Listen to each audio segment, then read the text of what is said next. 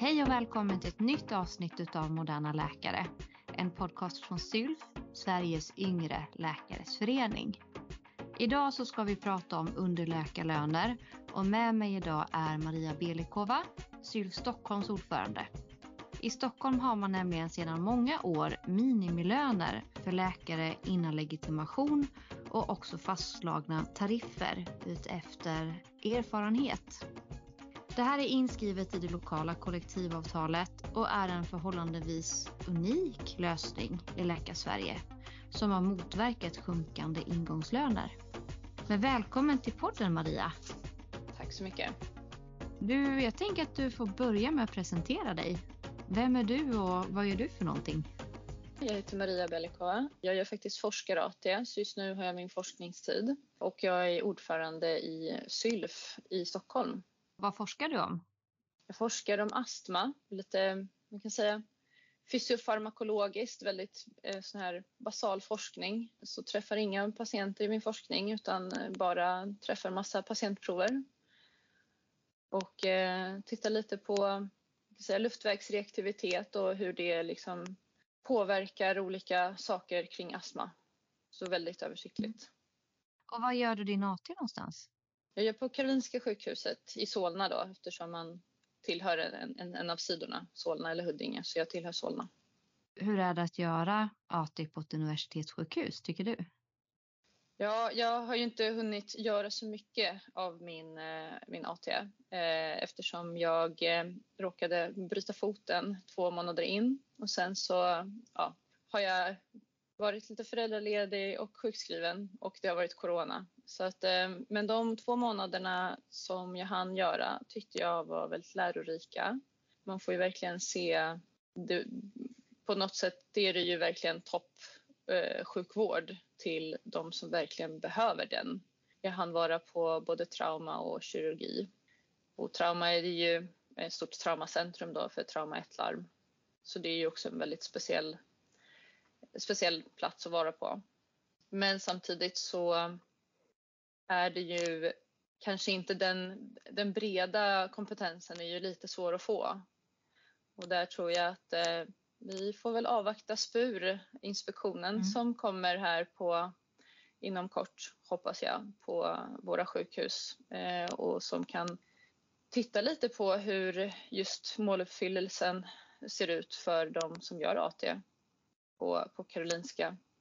Vi har ju en del andra sjukhus också som kommer också bli granskade men, men jag tror att Karolinska är ju det som är mest spets, eh, spetsinriktning på olika, olika specialiteter. Så att där tror jag att det är den största utmaningen finns. Och för de som inte vet vad en spurinspektion är, vad, vad betyder det? Just det, spurinspektion ja. Man kan säga det kommer specialister eh, som inte har med sjukhuset att göra eh, som bjuds in eh, att bedöma huruvida Eh, en AT eller en ST-utbildning följer målen eh, och det erbjuds den typen av kvalitet som, som man, man eh, förväntar sig.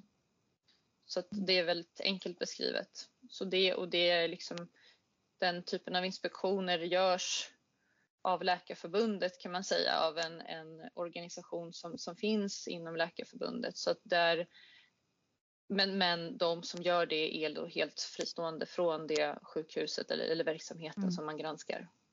När engagerade du dig i SYLF?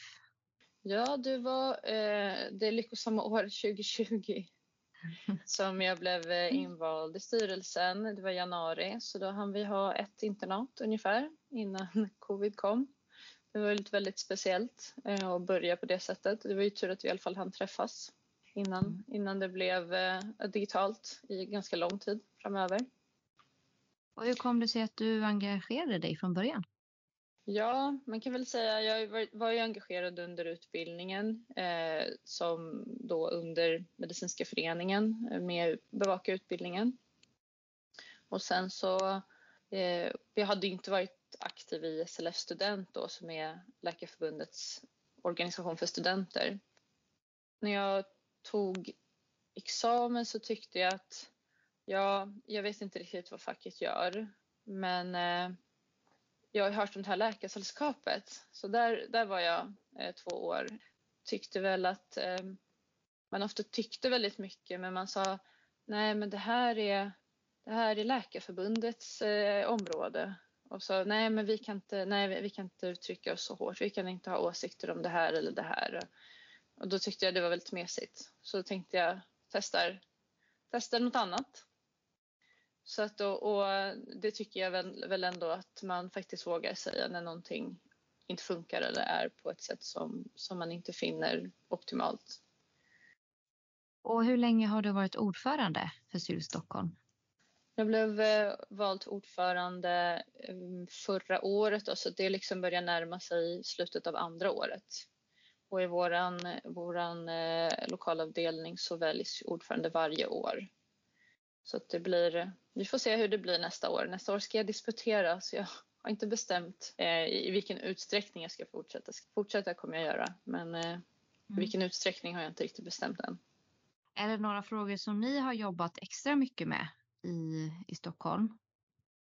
Man kan säga under senaste åren så har vi jobbat jättemycket med schysst rekrytering. Ibland kan man kanske tycka att vi lägger så himla mycket fokus på AT. Det är en lite kortare tjänst. Det är jämfört med till exempel ST eller eh, så under liksom hela karriären blir det ju de här ett och ett halvt åren eh, som det nu är i Stockholms alla sjukhus. Att det inte är så länge men, men det är ändå det involverar ju hela, skyddsrekrytering involverar ju faktiskt också egentligen VIK-UL-delen för att det är ju mm. de som, som ju behöver den här schyssta rekryteringen. Och den, jag tycker det absolut är fackets uppgift att eh, fokusera på den och man kan ju säga om det är någon som är en svag grupp så är det ju VIK-UL för AT i Stockholm.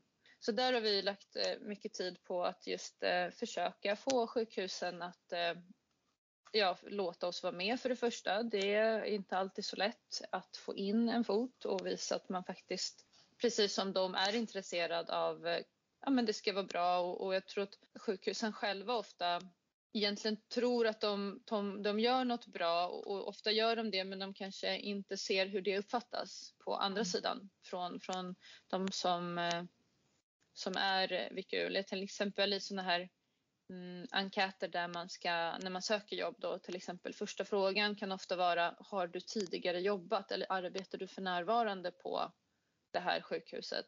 Och den frågan är ju strikt administrativ när man då blir anställd att det ska bli liksom att man ska veta hur ska man föra över behörigheter och sånt där till, till den nya tjänsten och, eh, och sådana frågor. Men som, som den som fyller i så kan man ju väldigt lätt uppfatta det som att aha, det spelar ju roll då, jag jobbar ju inte här och det här kommer inte gå bra och så får man inte AT så tänker man ja, det är nog för att jag inte jobbade på det här sjukhuset som jag inte fick AT.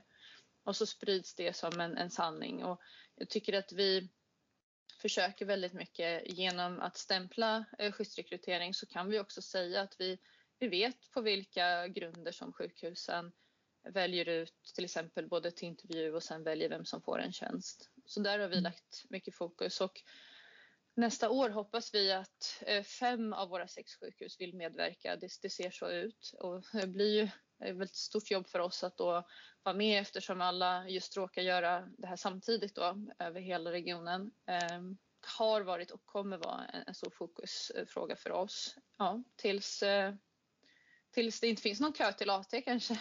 Sen eh, så pågår det ju mycket nu, i alla fall senaste tiden då sen vi hade eh, skifte i eh, vilka som har styrt regionen så, så har det ju funnits mycket idéer om hur man ska organisera om vården. Det pågår mycket utredningar, mycket liksom funderingar kring hur man bäst organiserar vården och där har vi varit, försökt att vara i alla fall väldigt mycket på bollen för att just motverka förändringar som kan ha negativa konsekvenser för våra medlemmar.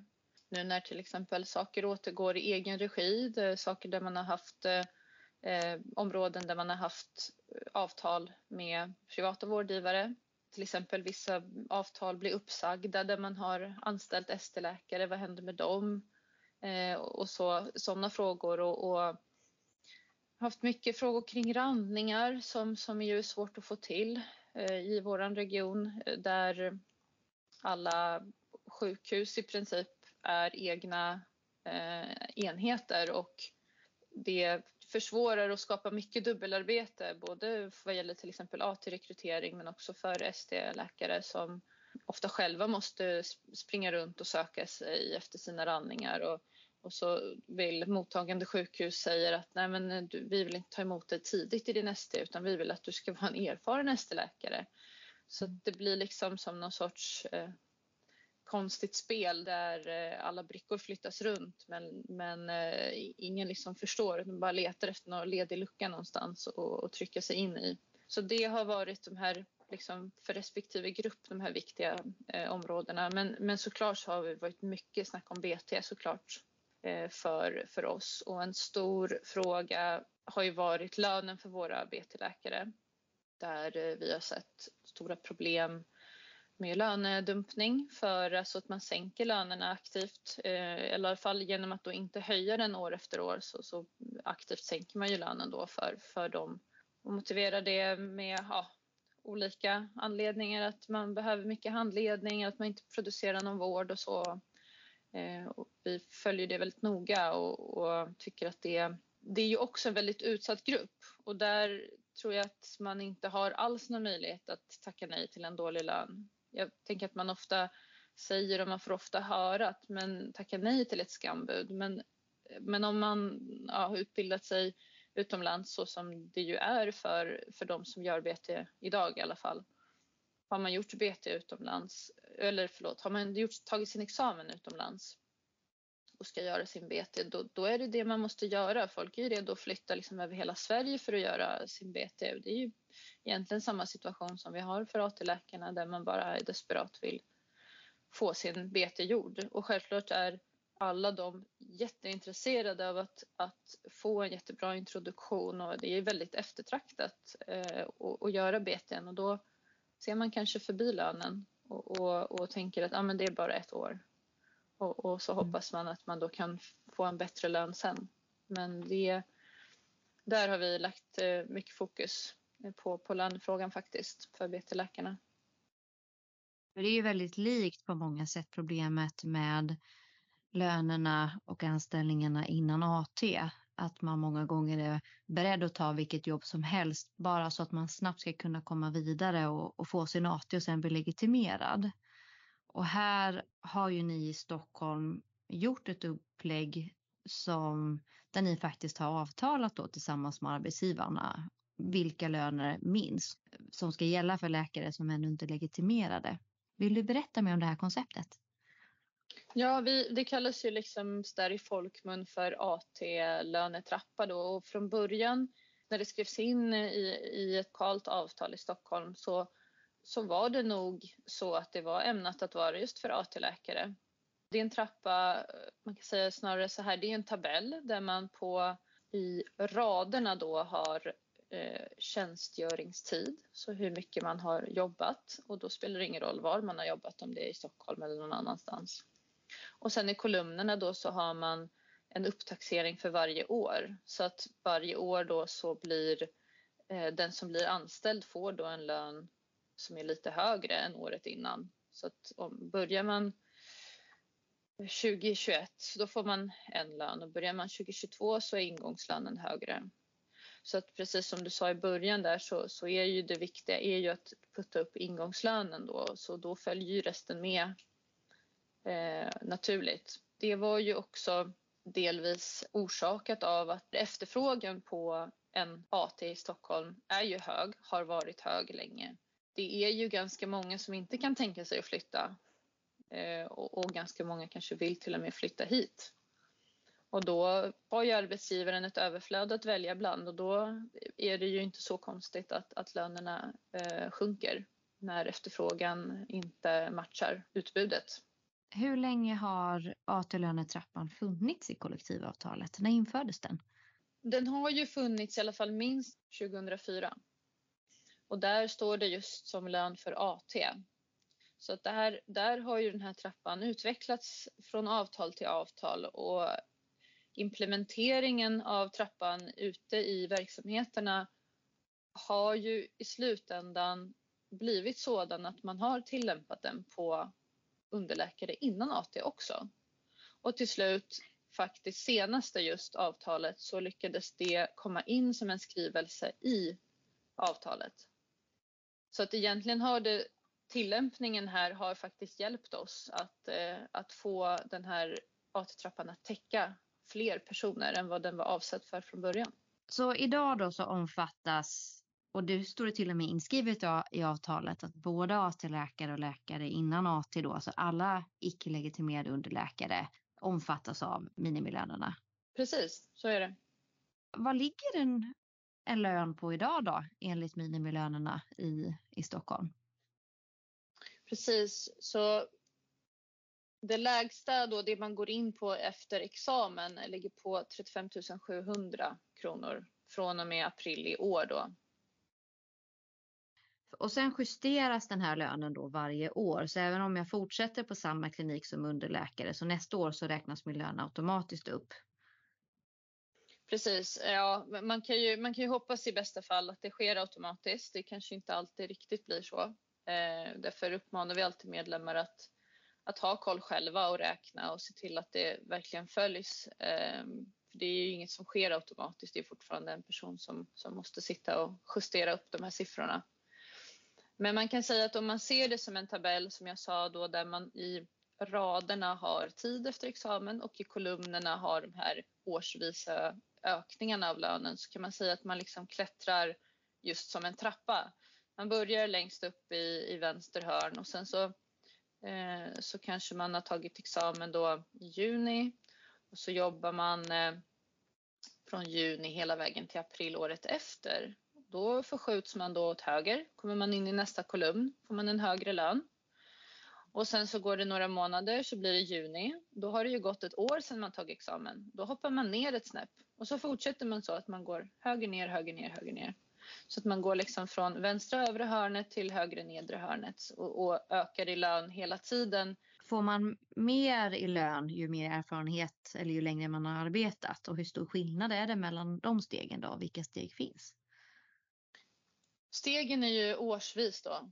Så, så ett år, två år, tre år, fyra år. Fyra år efter examen. Efter examen. Oavsett vart man har jobbat.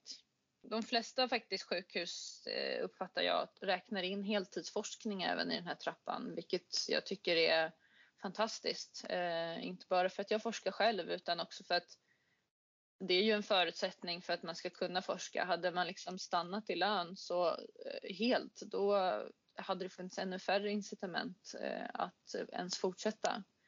Så det tycker jag är väldigt bra. Det brukar oftast inte vara något problem så länge man skickar ett intyg in ett intyg till de som jobbar med frågan, lönefrågorna. Hur stor skillnad är det då om man har jobbat i ett år eller två år? Vi har ju, man kan säga runt 2 procent, eh, närmare 2 procents löneökning per år sker bara av erfarenhetsfaktorn. Och sen faktorn som blir i kolumn, när man går i kolumnerna, i sidled i kolumnerna, det är ju det som ersätter den årliga lönerevisionen. Vi har ju några begrepp här som jag tänker att vi behöver reda ut Maria. Och, och om vi börjar med lönerevision, vilka omfattas av lönerevisionen? Det är ju bara fast anställda som omfattas av lönerevision. Det är inte timanställda eller visstidsanställda som man säger, alltså där man har en anställning med ett start och ett slutdatum i kontraktet. De fattas inte av lönerevisionen. I praktiken om vi tänker oss våra medlemmar så är det ju ST-läkarna som omfattas av lönerevisionen. Men egentligen inga, inga andra medlemmar som gör det. Vad är märket för någonting? För det är ju ett begrepp som slängs med en del så här när vi pratar lön och lönerevision. Precis, märket ja. Eh, det brukar man ju man brukar säga industrimärket och tanken kanske var väl från början då att, att eh, industrin skulle vara ledande i, i lönerna för industrin är ju liksom en motor i den svenska ekonomin och då industrimärket är kan man ändå säga det som leder lönesättningen. Det, det blir som ett ankare som alla kan liksom hålla sig fast vid och, och säga att ja men titta märket är så här. Vi, vi, kan inte ha sämre än märket så ofta blir det ju lite den funktionen som det har och ofta kanske som som facklig säger man att vi vill ha mer än märket så att vi vill ju att våra löner ska öka mer än. Och Läkarförbundet har ju, har ju i kollektivavtalsförhandlingarna eh, fått märket faktiskt sedan 90-talet. Men eh, varför sjunker då Eh, läkarlönerna? För det har vi ju sett flera artiklar i Läkartidningen som beskriver att, att läkarlönerna successivt sjunker eller inte hänger med den här löneutvecklingstakten. Hur går det ihop då när vi ändå får märket som kollektiv i avtalen? Ja, det, det, en av förklaringarna blir då att ingångslönerna sjunker. Och när ingångslönerna sjunker så, så, även om man då fortsätter få ungefär kring märket och kompensera för inflation så, så är ju lönen lägre helt enkelt. Det är en, en sån eh, stor faktor tror jag och det har man ju faktiskt kunnat visa att, att eh, på vissa håll har ju till och med ingångslönerna sjunkit, inte bara bestått eh, över tid, eh, varit detsamma över tid utan till och med sjunkit till och med antal kronor. Så att förutom att det, kronan sjunker i värde så, så, sjunker ju, så, så är liksom summan mindre till och med. Så att det är dubbelt, dubbelt negativt. Och det är väl det här som har varit unikt med AT-lönetrappan i Stockholm. Att man hela tiden har räknat upp lönerna varje år med motsvarande märket. Ja, precis. Till exempel i år så har vi ju det här märket som vi förhåller oss till i 4,1 då. Och eh, AT-trappan, om man jämför då de lönerna som står i kolumnen för 2022 med lönerna som står i kolumnen för 2023 så ser vi att lönen ökar mellan 4,1 till 4,23 procent. Alla steg ökar lika mycket eller mer eh, än industrimärket. Så om man tittar på och jämför till exempel med den lön som fanns i lönetrappan för 2013. Då var ingångslönen för AT-läkare 27 500. Idag är den 35 700 så att det är en, en eh, ökning på drygt 10 000. Men om man tittar uh, vad, vad är penningvärdet? Uh, så eftersom vad skulle de här 27 500 motsvara idag? Så skulle de motsvara 35 550 kronor. Så att vår ingångslön ligger i linje med, med den förändringen i, i penningvärde som har skett över tid. Så att där, där har vi liksom kunnat behålla ingångslönen åtminstone stabil. Eh, det är klart att man hade, kunnat, man hade önskat sig att det hade varit högre än så, såklart. Jag tycker ändå att vinsten med våran trappa det är att man, man går in på en lön och sen så fortsätter man i alla fall öka i lön eh, mer än vad inflationen eh, är. Mer än vad bara en revision ger eftersom vi inte, då, så då ökar vi både med erfarenhet men också med tid. I slutändan så blir ju lönen högre i, över tid. Och vill man eh, kolla på hur den här trappan ser ut så finns ju den på SUV Stockholms hemsida.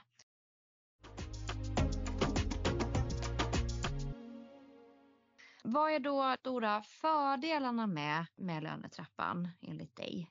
Den stora fördelen är att man faktiskt från fackligt håll deltar i att sätta en ingångslön. Eh, det tillhör verkligen inte vanligheterna att facket är inblandat i ingångslöner. Eh, ingångslön eh, förhandlas ju liksom med mellan eh, arbetsgivare och arbetstagare eh, och det är klart att man kan konsultera eh, sin lokala fackförening. Det tycker jag alltid man ska göra när man pratar om eh, om vilken lön, vilka löneanspråk man ska ha. Eh, bara ta ut en lönelista kanske inte alltid ger de rätta indikationerna Eh, för, för vad man ska gå in på. AT-trappan ger ju den lokala läkarföreningen här i Stockholm ger dem en chans att faktiskt egentligen medverka till att, eh, att det finns en, en stabil ingångslön till exempel då att det är ett högt söktryck till underläkartjänsterna och AT-tjänsterna och också i dessa tider dålig ekonomi i regionerna blir ju inte underläkarens problem på samma sätt som det gärna blir, blir annars tänker jag och säkert blir på många andra håll i Sverige. Nej precis, så är det och då behöver man inte heller ta hänsyn till det som, som underläkare och man behöver aldrig vara orolig att eh, ja, men den här specialiteten är så populär och, och där kommer jag inte kunna få en bra lön. Vad är de stora nackdelarna med att ha en lönetrappa på det här viset? Ja, det, det är ju det traditionella argumentet emot eh, lönetrappan. Det är ju att man inte får en, en lönespridning som kanske motsvarar de, den spridning i kompetens som finns. Det vill säga man, alla får ungefär samma sak oavsett om de är superduktiga och eh, tar på sig massa uppdrag eh, och, och, gör mycket på sin arbetsplats och, och har massa erfarenheter sedan tidigare så, så räknas ju det inte in egentligen i den här trappan. Så det finns liksom ingen diversifiering mellan, eh, mellan stegen eller, och, och personer emellan vilket ju är det som man eftersträvar. Jag menar vårt, vårt kollektivavtal, vårt centrala kollektivavtal säger individuell och differentierad lön. Så det går egentligen lite emot det med individuell och differentierad lön. Eh, men tycker ändå det är eh, en bra kompromiss på så sätt att, att eh, dels säkras ingångslönen men också att det faktiskt blir en diversifiering i gruppen i och med att man då går upp i lön efter erfarenhet. Så, att, så det blir ändå spridning i hela gruppen. Sen kanske alla som har exakt samma vikttid ändå tjänar ungefär lika mycket. Men det, hela gruppen får ändå en, en bra lönespridning. Ett annat argument emot lönetrappor som man ofta hör om är att en minimilön inte bara blir ett golv utan det gärna också blir ett tak. Men äh, har ni erfarenhet att man ändå får förhandla lön och kanske också får en högre lön än vad de här trapporna eh, anger? Ja, min erfarenhet är att om man får till ett samtal med sin lönesättande chef och eh, kan lyfta fram saker som, som den chefen tycker faktiskt bidrar i, i den tjänsten man befinner sig i. Så att om man till exempel har en sjuksköterskeutbildning i, i botten och som, eh, eller till och med att man kanske har varit, ja, säger att man har varit anestesisjuksköterska och nu ska man göra narkosåret. Där, där hade, hade man ju kunnat tänka sig då att den typen av kompetens man besitter verkligen skulle komma arbetsgivaren till nytta och där finns det ett, kanske ett utrymme att förhandla. Det handlar ju inte om några stora summor men, men möjligheten finns och när man tittar på vår lönestatistik så ser man absolut att det finns personer som har, som har lyckats förhandla.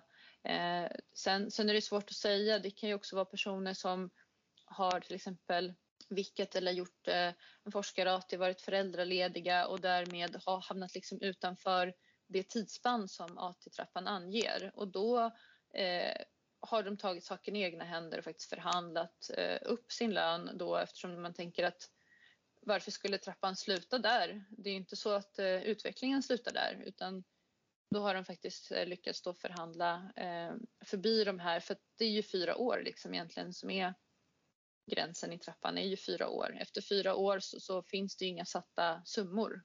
Visst går det och det går att förhandla. Det, det finns absolut exempel på det. Men, men jag tror att liksom tröskeln är lite högre än när man kanske förhandlar i andra sammanhang.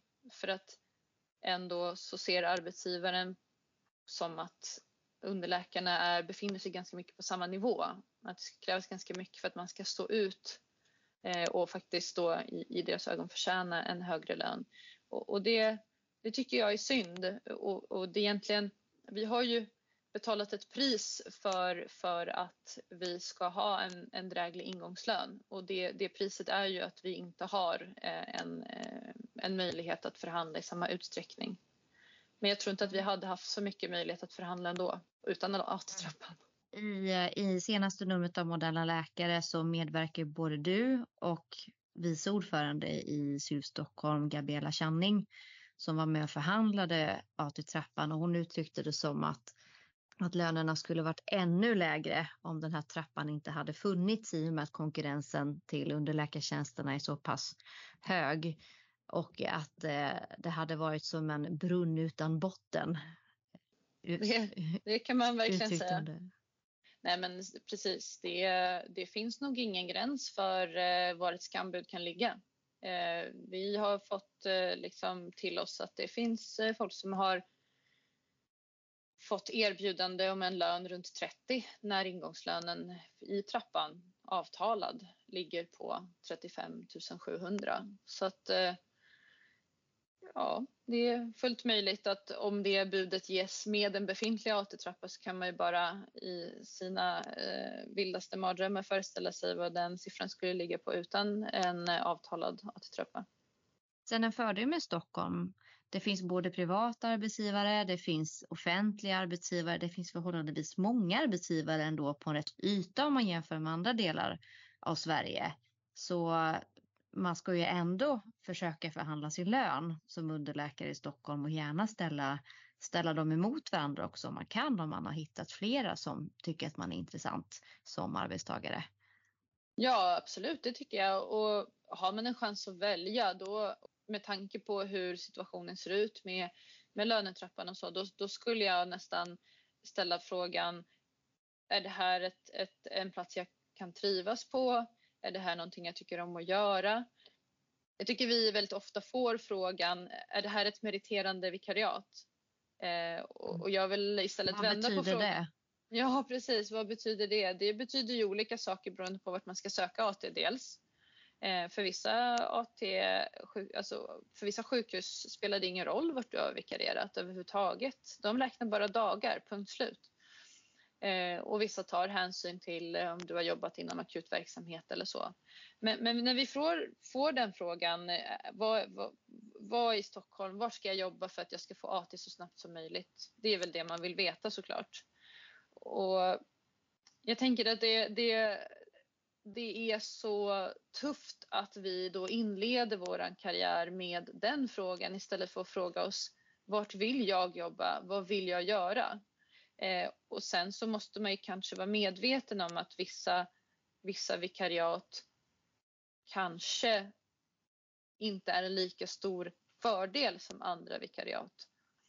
Men om man inte är väldigt bunden av att få göra sin AT så otroligt snabbt som det bara går men fortfarande vill göra det i Stockholm eh, vilket också kanske inte är jättekompatibelt eh, då, då, om man inte är jätte, jättebunden av det då, då, tycker jag verkligen att man ska ställa sig frågan vad vill jag göra och är det här en arbetsplats där jag trivs? Är det inte det kanske jag ska se mig efter ett nytt, nytt jobb.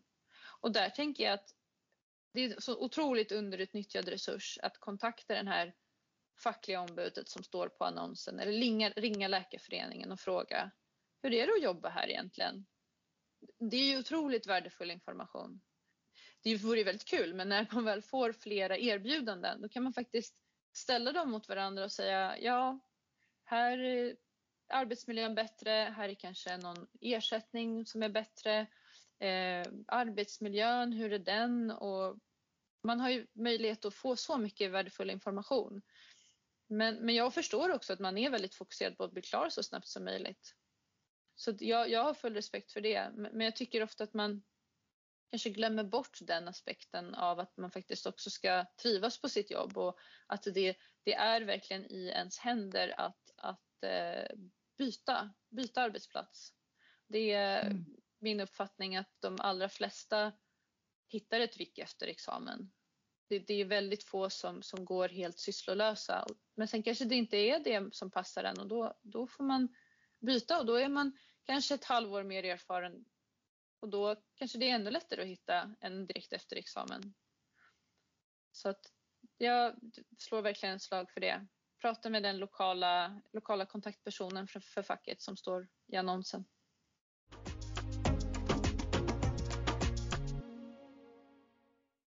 Du hade fått, fått drömma då, hur hade du velat att eh, AT-lönetrappan var utformad? Och vilka parametrar skulle den ta hänsyn till? Ja, förutom att jag såklart eh, absolut önskar mig högre, högre lön på alla, i alla rutor i AT-trappan eh, så skulle jag ändå kunna tänka mig att det skulle kunna finnas ett lönespann istället för en satt summa. För att då skulle det också kunna tänkas att någonstans i det spannet så, så, så ska hela liksom, kollektivet finnas. Och det, man måste ändå tänka sig att det är en normalfördelning. Och då ska ju några stycken hamna högt, några stycken hamna i det lägre spannet, men de allra flesta ska hamna i mitten. Så att även om man sätter då en botten och en topp så, så kan, kan inte liksom alla få den lägsta lönen för då säger man att ni, ni, är alla lika dåliga och det, det tror inte jag att någon skriver under på att det är så.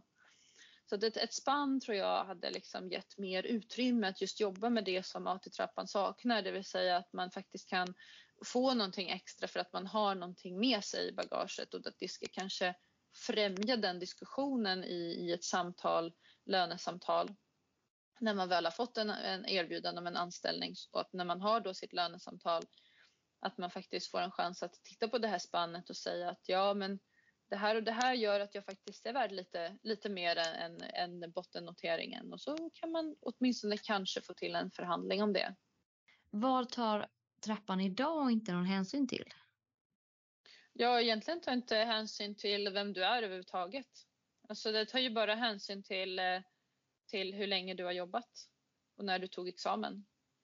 Så det, det, tar ingen hänsyn till dina kvaliteter, kompetenser, erfarenheter. Ingenting av det som du skriver i ditt fina personliga brev eller ditt CV, det spelar ju någon roll egentligen i det här sammanhanget förutom datumet när du tog examen. Så det tänker jag ja. att vi kan skicka med så som trappan utformar idag att det här är ju lägsta tänkbara möjliga lön för mm. en underläkare i Stockholm 2. Alltså ta avstamp i det och argumentera för att du är bättre än så. Att du mm. inte är sämst, precis som du sa Maria, skriv mm. inte under på att du är sämst. Nej, verkligen. Men fungerar lönetrappor överallt då, tror du? För varför Nej, har det inte jag... i hela Sverige? Om det nu funkar så bra i Stockholm. Ja, det, det är ju alltid svårt att, att, prata om hur det skulle kunna funka teoretiskt i ett helt annat sammanhang. Jag kan ju tänka mig andra regioner som har andra förutsättningar där Ja, det är ju fortfarande stort tryck på AT egentligen överallt. Eh, så att kanske för just AT så skulle det här vara någonting som skulle kunna funka. Eh, däremot så tycker jag ändå att just det här förhandlingen och, och kanske möjligheten att förhandla om sin lön efter ett års anställning, den funkar faktiskt på andra orter i en större utsträckning än vad den har tidigare funkat i Stockholm. Så, så den möjligheten finns fortfarande och då blir den löneökningen faktiskt just baserad på vem är du och vad har du gjort? Och, och det, det, som är fördelen med AT-trappan också det är ju att faktiskt eh, facket får delta och, och förhandla fram de här siffrorna som annars ligger i det dolda på HRs kammare. De finns ju, alltså de här siffrorna finns ju bara att facket har inte tillgång till att få ha en åsikt om dem eller påverka dem på något sätt. Så att alla de här lönespannen de, de finns ju liksom i för alla, både ST och AT och BT-läkare och det är klart att regionen måste ju budgetera och utgå ifrån någon, någon typ av löner. Så att huruvida det skulle vara bra att avtala de lönerna, det, det är så himla svårt att säga. För att det, det måste bero på hur regionen är eh, beskaffad. Regioner som har stort intresse av att, av att ha många AT-läkare för att man hoppas att man lyckas hova in någon som, som rotar sig på den orten. Då kanske inte det här är rätt lösning för att där kan man faktiskt ändå framförallt efter sin AT säga ge mig det här annars flyttar jag hem till min hemstad där jag är ifrån. Det, det, det har, den möjligheten har man ju verkligen inte i Stockholm. Eh, så att, nej, jag, jag, Jag har faktiskt svårt att säga om det skulle funka och, och vilka förbehåll skulle finnas. Men, men de här siffrorna eh, borde, tycker jag, inte vara samma över hela landet faktiskt. Ja, för, för, att, för risken med att man stadgar minimilöner, det, det, kan ju bli så att man slår sönder på de ställen där man har en fungerande lönesättnings och löneförhandlingsprocess. Mm. Att man då hänvisar till det här taket och det här golvet. Så det är väl det som är stora risken mm. eh, med lönetrappor och med minimilöner överhuvudtaget och varför det finns en sån eh, tveksam inställning till det här fenomenet.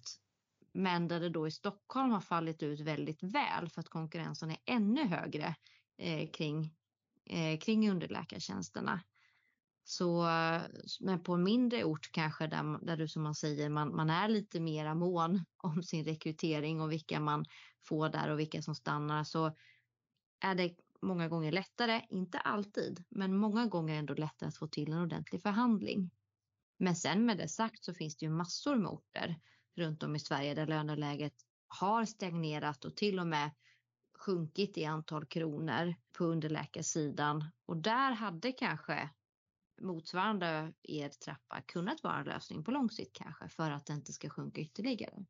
Man kan inte använda en skruvmejsel för att liksom borra i en betongvägg.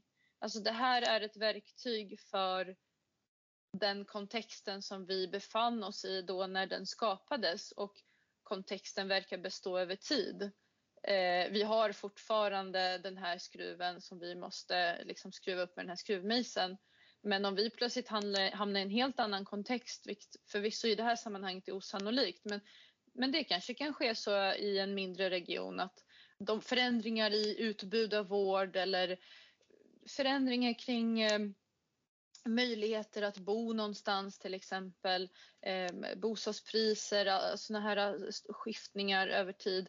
Sånt kan påverka huruvida folk eh, väljer att flytta dit och då plötsligt så är situationen helt annorlunda och man behöver ett annat verktyg för att lösa det problem som uppstår.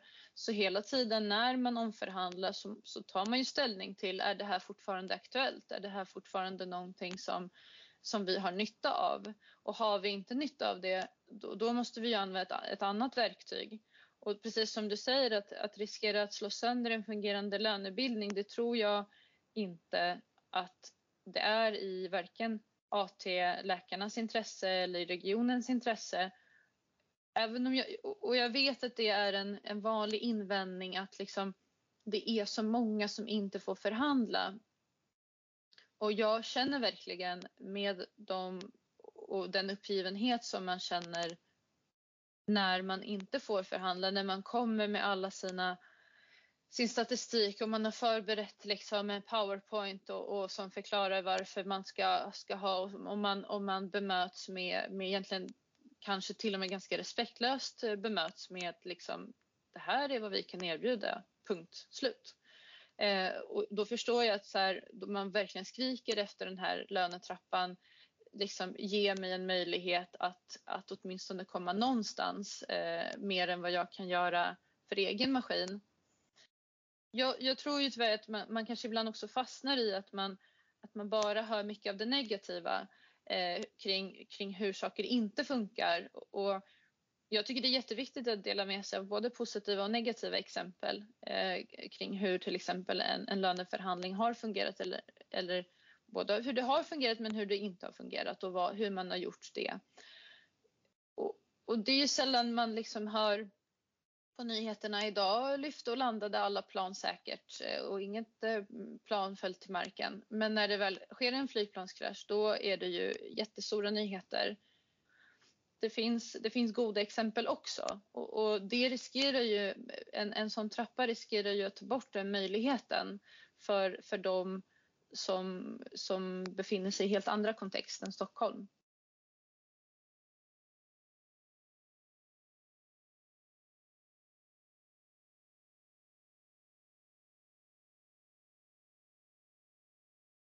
Maria, jag tänker att det är dags att eh, runda av. Men jag undrar om du har något eh, löneförhandlingstips som du vill dela med dig av? Ja, nu eftersom jag eh, finner mig under AT-trappan så har inte jag liksom speciellt förhandlat så mycket. Det, det kommer bli dags här när jag ändå hamnar utanför AT-trappan. Så det, det, kommer, den tiden kommer. Men, men när man pratar om, om förhandling generellt kanske så tycker jag det, det viktigaste tipset är att man ska, man ska tänka på det som en dejt. Ta reda på vad, eh, vad motparten är intresserad av, vad motparten tycker är bra och hur, hur du liksom, det här samspelet fungerar och känna efter lite. Vad, vad är det som, som jag kan eh, säga som, som gör den personen glad och då kanske den personen beter sig på ett, ett bra sätt emot mig. Och, och känna in varandra lite och, och, och då brukar jag, jag kanske, när jag sagt det så har jag fått frågan så här, ja men eh, kan man, kan man ljuga på, på en intervju eller på en löneförhandling? Kan, kan man säga att ja, men det här är liksom mitt drömjobb eh, och bara för att få jobbet och, och sen visar det sig att, att man mycket väl visste att man var på väg någon annanstans. Eh, jag sa, säg att ja, det, det, kan man, men då, men då kanske man ska säga att man man, man, får se det som att eh, det är liksom en, eh, en engångsdejt kan man säga. En one night stand. Att, eh, ja, du kan göra det men du kan nog bara ljuga en gång. Mm. Eh, så att, det beror på med vilket, eh, med vilket incitament du går in i, i ett sånt, en sån förhandling. Men, men som sagt, det, det är ett samspel. Det, det, vi är människor. Så att jag tycker att man, och, och att man inte ska vara eh, så rädd att visa vem man själv är. Jag tror att det på andra sidan där sitter en människa eh, som, som har träffat kanske en hel del personer som har sökt jobb. Eh, som, som känner eh, kanske är genuint intresserad. Vem är du? Och så vågar inte du träda fram. Men det kanske är, du kanske är exakt den personen som den vill anställa. Så jag tycker man ska, man ska våga vara sig själv också. Det är jätteviktigt. Det var ett jättebra tips Maria och tusen tack för att du gästade podden och berättade mer om Stockholms AT-lönetrappa. Tack själv, jättekul att vara här.